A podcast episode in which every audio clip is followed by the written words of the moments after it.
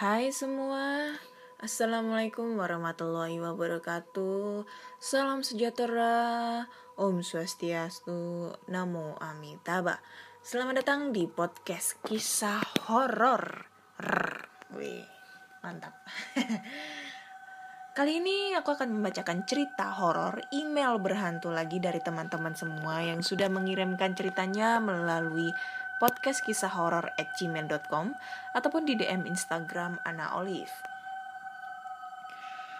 Hmm, hari ini hari Minggu ya, tanggal 31 Mei 2020 jam 1 dini hari ya. Seperti biasa, aku akan membacakan cerita-cerita horor ini di jam lewat tengah malam karena selain aku membacanya untuk mendapatkan sisi horornya, aku juga menghindari suara-suara ramai di luar sana. He.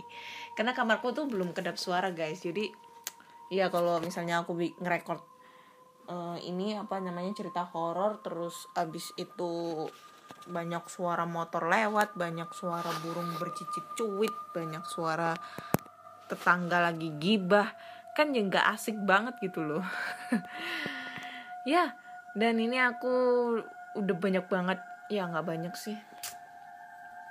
Per hari kemarin baru masuk tiga cerita horor ya. Ya dikit banget. Oke teman-teman semua ayo dong kalau punya cerita horor uh, jangan lupa kirim ya. Aku tuh kehabisan ide cerita. Aduh udah menipis banget ini asupan hororku ini.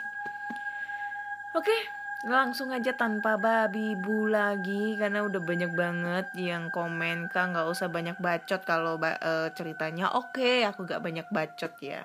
Dan sebelum itu aku akan memberitahu di hari ini hari Minggu tanggal 31 Mei 2020 pendengar podcast kisah horor udah mencapai 1,7 Wih mantap deh. 1,7 K. Dan ya itu menurutku suatu, suatu apresiasi banget ya buat aku. Iya mantap. Terima kasih buat teman-teman semua buat pendengar podcast kisah horor. Aku harap kalian gak bosan yang ngedengerin ceritaku. Ya mungkin pembawaan ceritaku ini pembawaan aku bercerita itu nggak begitu serem nggak kayak di podcast podcast sebelah ya yang bisa klimaks banget horornya dapet banget. Sedangkan aku kan kalau baca itu ya disampingi diselingi guyonan. He itu udah ada guys. Udah ada di podcast sebelah ya yang horor tapi rada santai. Dan aku horor tapi banyol. Itu mantap ya oke. Okay aduh nggak ada supan kopi nih. Aku mau bikin kopi tapi males banget ke bawah ya dan asupan cerita kali ini aku ditemanin oleh brokoli rebus. Wih mantap ini brokoli rebus guys. Aku tadi bikin brokoli rebus dan enak banget. Coba deh kalian, selain banyak banget manfaat uh, ini apa manfaat kok tiba-tiba backsoundku mati ya? oh enggak banyak vitaminnya bisa bikin kita diet kayak gitu juga sih oke okay, oke banyak bacot ah anak ini. Oke okay, oke okay, langsung aja langsung aja. Aduh banyak banget nanti yang protes sama aku. Langsung aja ke cerita pertama dan ini datangnya dari email. Ini email dari Mas Andi ya nama samaran yang kemarin udah aku bacakan ceritanya. Dan kali ini dia mengirimkan cerita lagi. Ini cerita kedua ini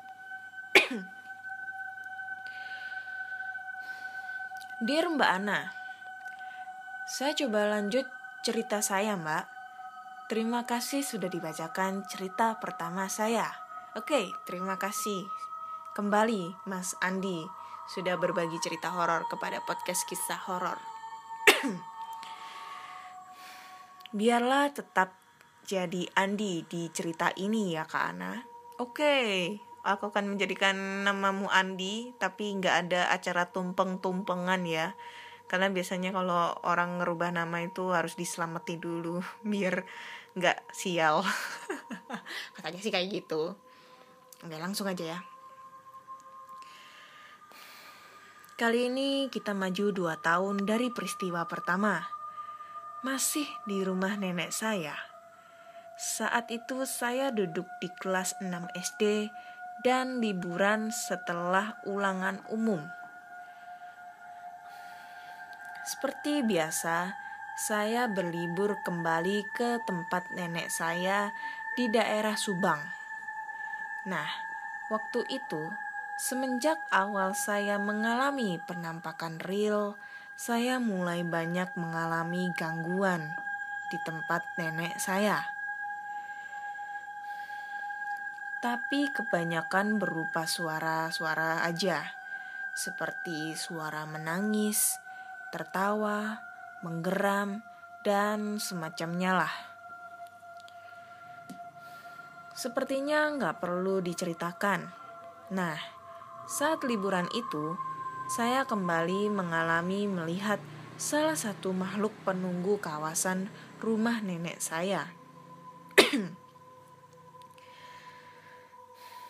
Waktu itu saya bermain dengan anak-anak tetangga nenek yang seumuran denganku. Di area ruang makan, kita main adu kartu saat itu. Permainan sederhana waktu itu yang asik pada zaman itu. Oke, aku tahu. E, permainan adu kartu itu kalian tahu kalau kartu-kartu yang bergambar itu nanti ditepok gini. Tepok. Nanti yang kartunya yang kebalik kebalik ya yang kelihatan gambarnya itu yang menang. Terus kartunya si lawan jadi milik kita kayak gitu. Ya kayak gitu ya. Itu zamanku sih zamanku SD tahun 90-an injir lah tua banget aku. Oke lanjut. Sampai mana tadi? Oh ya. Saya main dengan tiga orang temanku nenek sedang di kamar saat itu pembantu sedang di dapur jadi kami hanya berempat di situ. Waktu itu, lah kok mati lagi backsoundku bentar ya.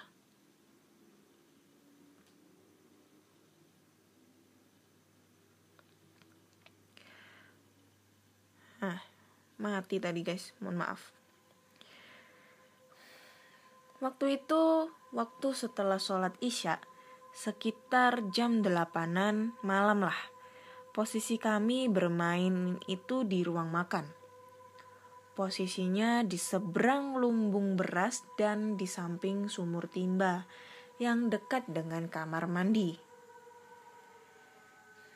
Lagi asyik kami bermain, tiba-tiba saya lihat pintu lumbung yang notabene tertutup rapat terbuka dengan sendirinya. Suaranya itu seperti pintu yang kebanyakan kena lembab lalu kering. Agak seret jadi bersuara keras kalau dibuka. Oh, jadi kayak ini ya guys ya. Apa ya modelnya itu? Suara pintunya itu ya kayak model engselnya itu udah berkarat gitu guys. Jadi enggak sih. Bukan engsel tapi bawahnya itu kayak pintu rumahku sih ya. Pintu rumahku tuh kayak dibuka itu kena lantai itu kayak bunyi gitulah. Karena emang modelnya udah kayak gitu sih kali ya. Oke lanjut aja. Nggak penting banget ya. Ceritain pintu rumahku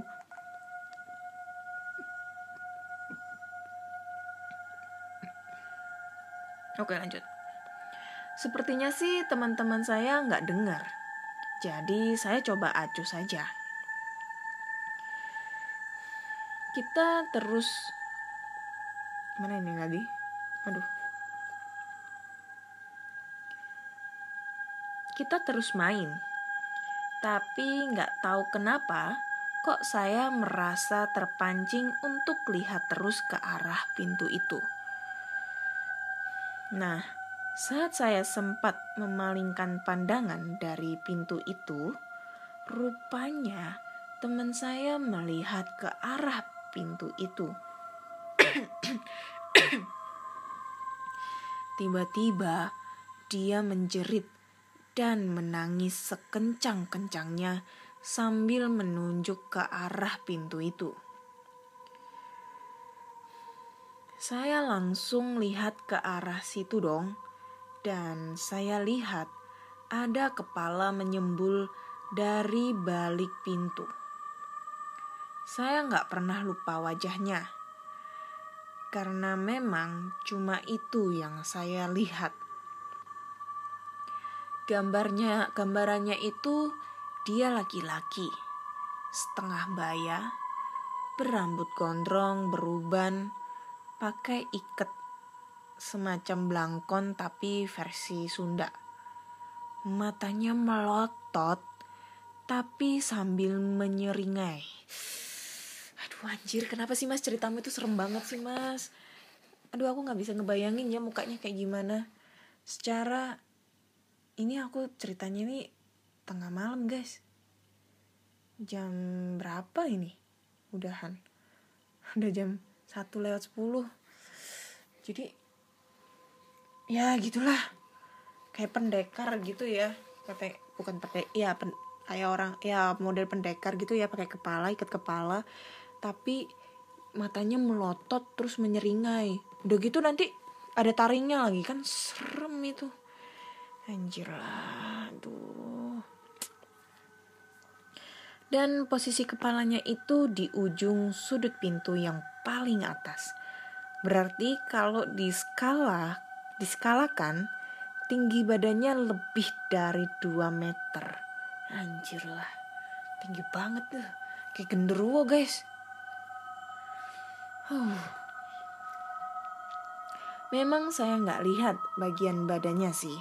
Hanya kepalanya saja yang mau nyembul. Oke, dia berarti kepalanya itu menyembul ke lubang-lubang pintu kayaknya ya. Tanpa suara, hanya menyeringai sambil memperhatikan kami.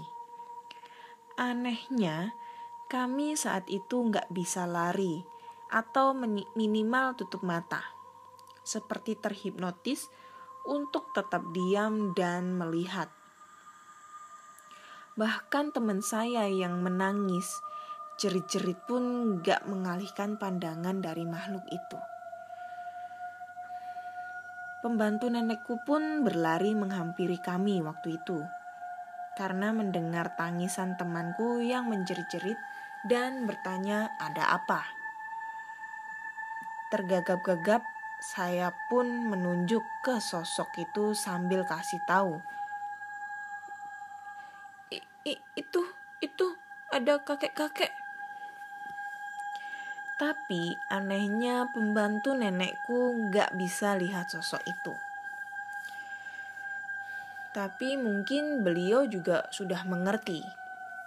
Jadi saat beliau mendekati pintu lumbung sambil baca-baca surat Al-Quran, kepala itu masuk lagi pelan-pelan ke lumbung sambil tetap melotot dan menyeringai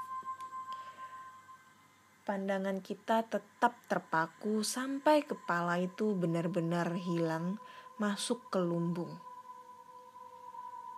Lumbung itu kayak gimana ya guys? Aku agak belum ngerti. Lumbung lumbung padi, lumbung padi. Kayak gentong gitu atau kayak gimana ya? Aku nggak ngerti deh. Mungkin kalian tahu kali ya lumbung padi. Deh, so aku guys gak ngerti lumbung padi. Habis dari situ, teman-teman saya yang tadinya berencana untuk menginap satu persatu pulang dijemput oleh orang tua mereka. Mungkin karena setelah kejadian itu, pembantu nenek mengabari salah satu orang tua teman yang posisi rumahnya tepat dengan tepat bersebelahan dengan rumah nenek. Saya pun besok harinya minta pulang karena takut. Alhamdulillah, habis kejadian itu saya nggak sakit. Nggak tahu deh teman-teman yang lain. Yang jelas sampai saat ini di antara semua kejadian penampakan yang saya alami, hanya wajah kakek itu yang saya ingat detail. Oke Mbak Ana, itu dulu ya. Nanti saya share-share lagi cerita-cerita saya yang lain. Waktu saya udah mulai gede sampai sekarang. Makasih banyak Mbak Ana. PS. Seperti biasa, kalau cerita saya terlalu berbelit-belit dan terlalu panjang, silahkan dirangkum dan diedit tanpa merubah esensinya. Best regards. Oke, terima kasih Mas Andi. Aduh, enggak, enggak panjang ini. Malah aku tuh suka banget ya kalau baca cerita itu detail. Enggak nggak dikurang-kurangi, nggak dilebih-lebihkan. Jadi apa ya? Cerita inti cerita horornya itu dapat banget gitu loh. Apalagi kalau bisa menceritakan detail sosoknya itu uh the best banget itu. So ini the best. Aduh, ceritanya itu cerita dari Mas Andi itu ih serem-serem banget ya. Gitu Mas Andi nggak trauma gitu buat datang ke rumah neneknya aduh Subang ya jauh banget. Coba kalau deket udah tak ajak collab ini untuk uh, ini explore tempat-tempat terbengkalai. Kayaknya Mas Andi ini anak indie home kayaknya ya. Bisa ngeliat-ngeliat hantu gitu. Aku tuh biasanya explore Mas Andi di tempat-tempat terbengkalai ya. Dan biasanya itu aku solo explore. Mungkin kalau Mas kalau Mas Andi di Surabaya itu bisa banget itu. Bisa aku ajak collab terus pengen apa aku pengen tahu di di tempat ini tuh ada apa aja gitu ya Oke Mas Andi, terima kasih buat ceritanya. Ditunggu untuk cerita berikutnya. Aduh, serem banget deh. Oke, kita lanjut lagi ke cerita berikutnya. Ntar gue mau buka dulu. Cerita berikutnya, oke, datang dari DM Instagram. Bentar ini sih udah aku bacain di YouTube ya. Jangan. Nah ini.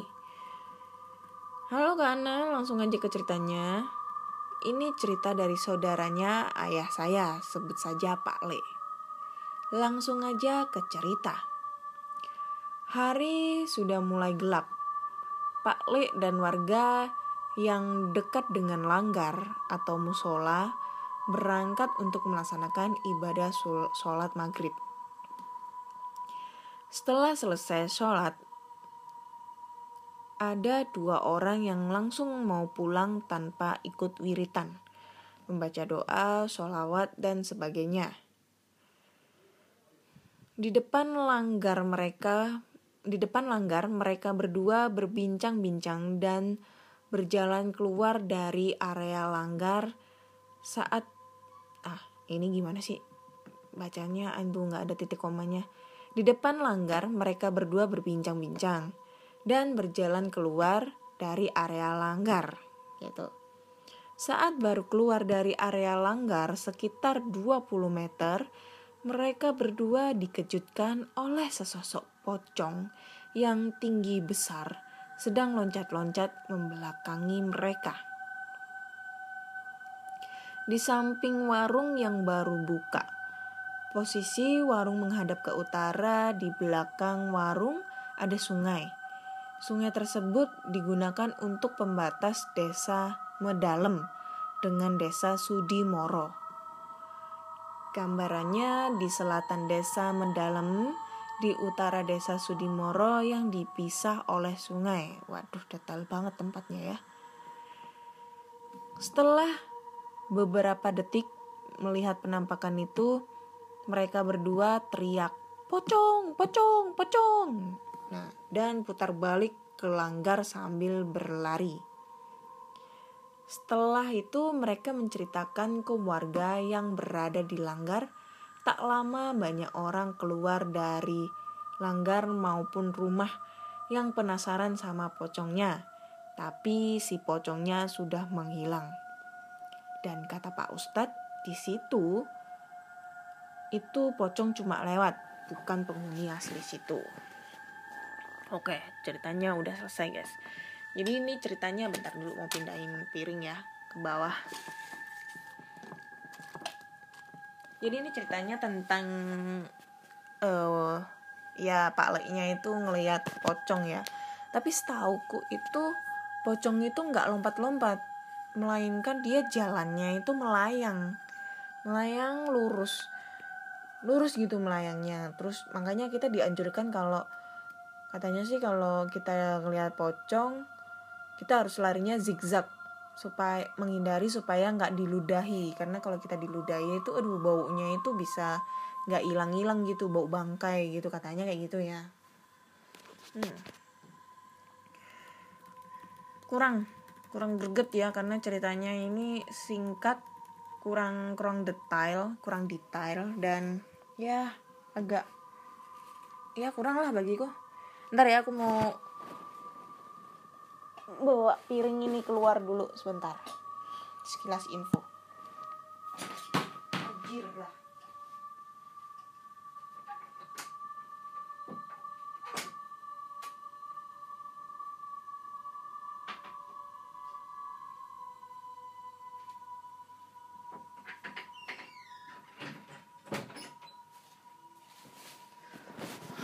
Cucian piringku banyak banget nih oke lanjut lagi ke cerita terakhir.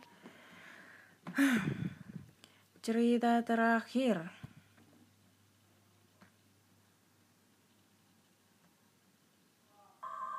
Dah.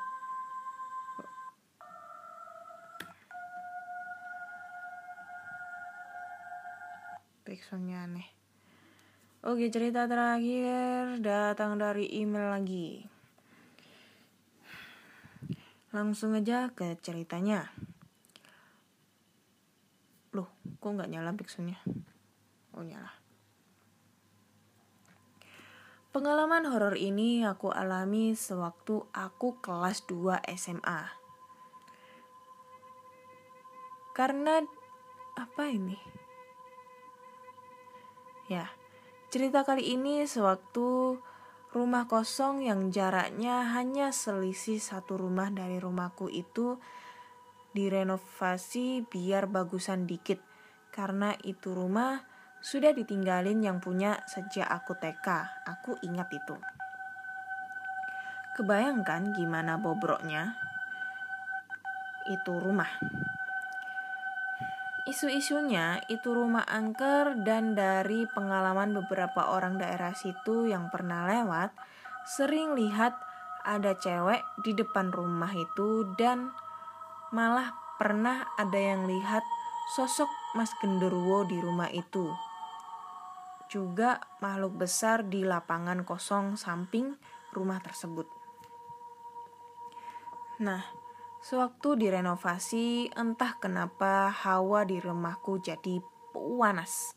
Gak adem, kadang adem-adem merinding gitu. Dan sering banget ada suara gaduh di dapur rumah. Atau kucingku yang selalu berisik dan terlihat seperti terancam gitu.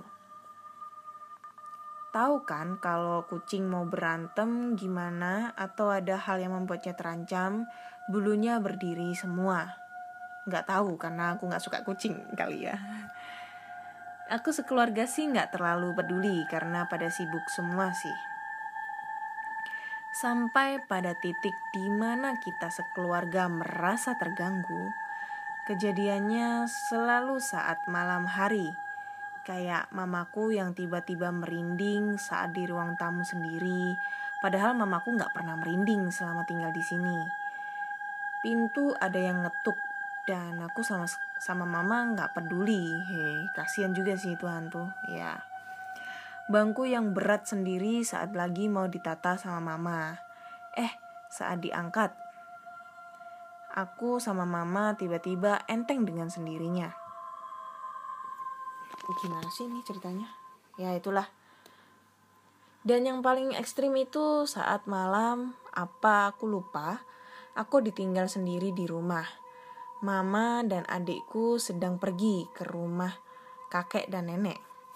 Aku gak ikut karena lagi sakit dan banyak tugas, jadi aku cuma di kamar sambil ngerjain tugas di laptop. Tiba-tiba pintu garasi yang posisinya ada di, te di te ada tepat di seberang kamarku terbuka dengan sendirinya. Padahal itu sudah ditutup sama aku dan gak mungkin itu karena angin. Karena itu pintu cara bukanya didorong dari dalam rumah, bukan didorong dari dalam garasi. Jadi kalau pintunya didorongnya dari garasi,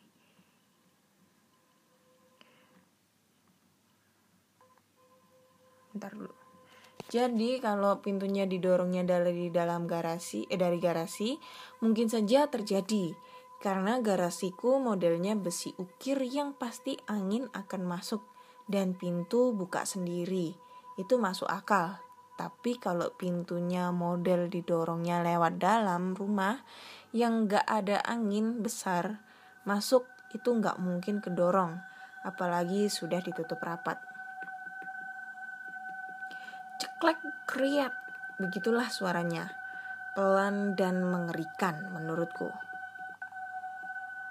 Aku yang pertama fokus ke laptop jadi teralihkan ke sumber suara dan langsung antara merinding sama bingung. Kok pintu bisa buka sendiri padahal sudah ditutup rapat.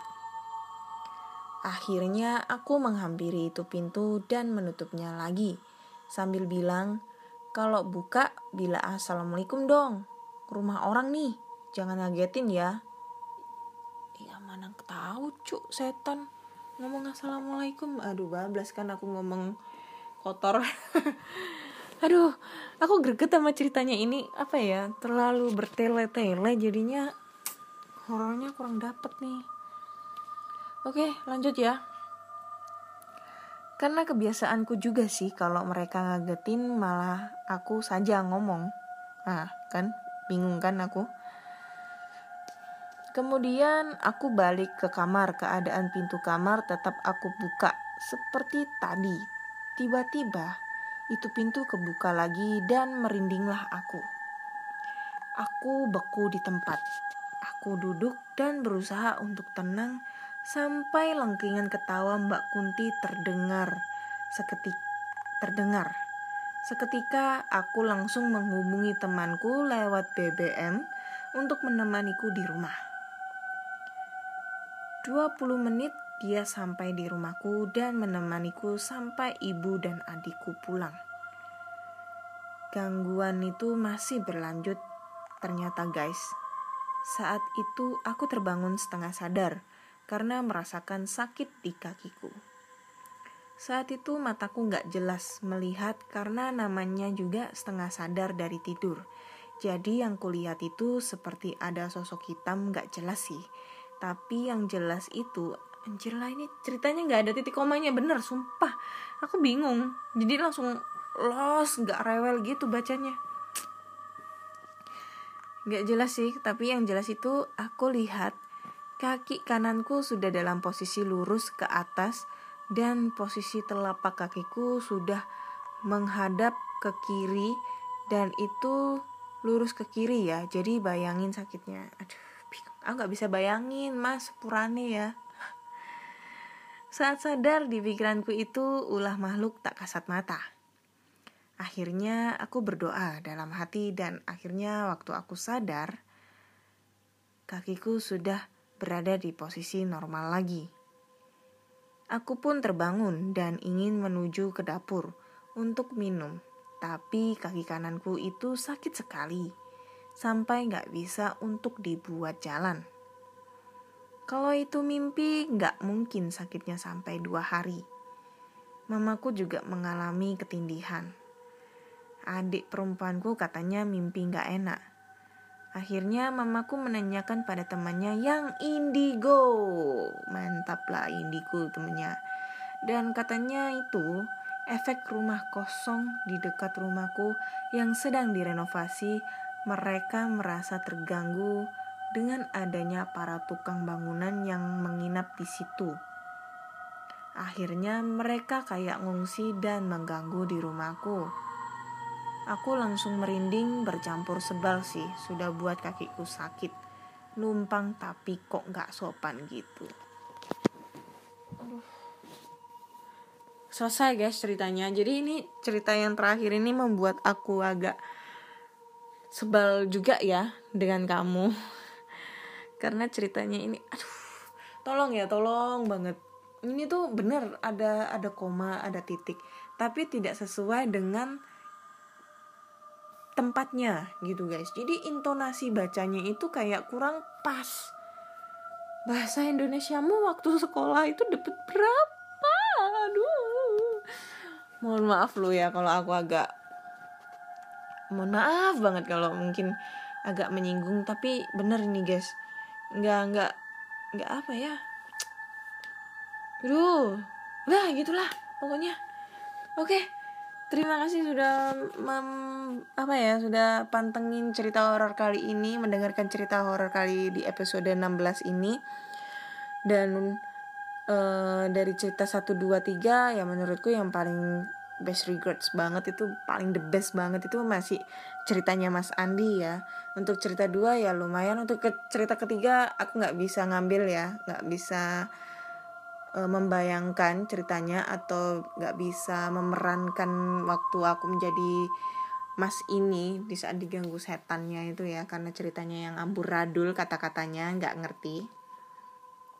So bagi kalian yang punya cerita-cerita horor, kalian bisa langsung aja kirim ceritanya melalui podcast kisah horor at gmail.com podcast kisah horor at gmail.com ataupun di DM Instagram Anna Olive.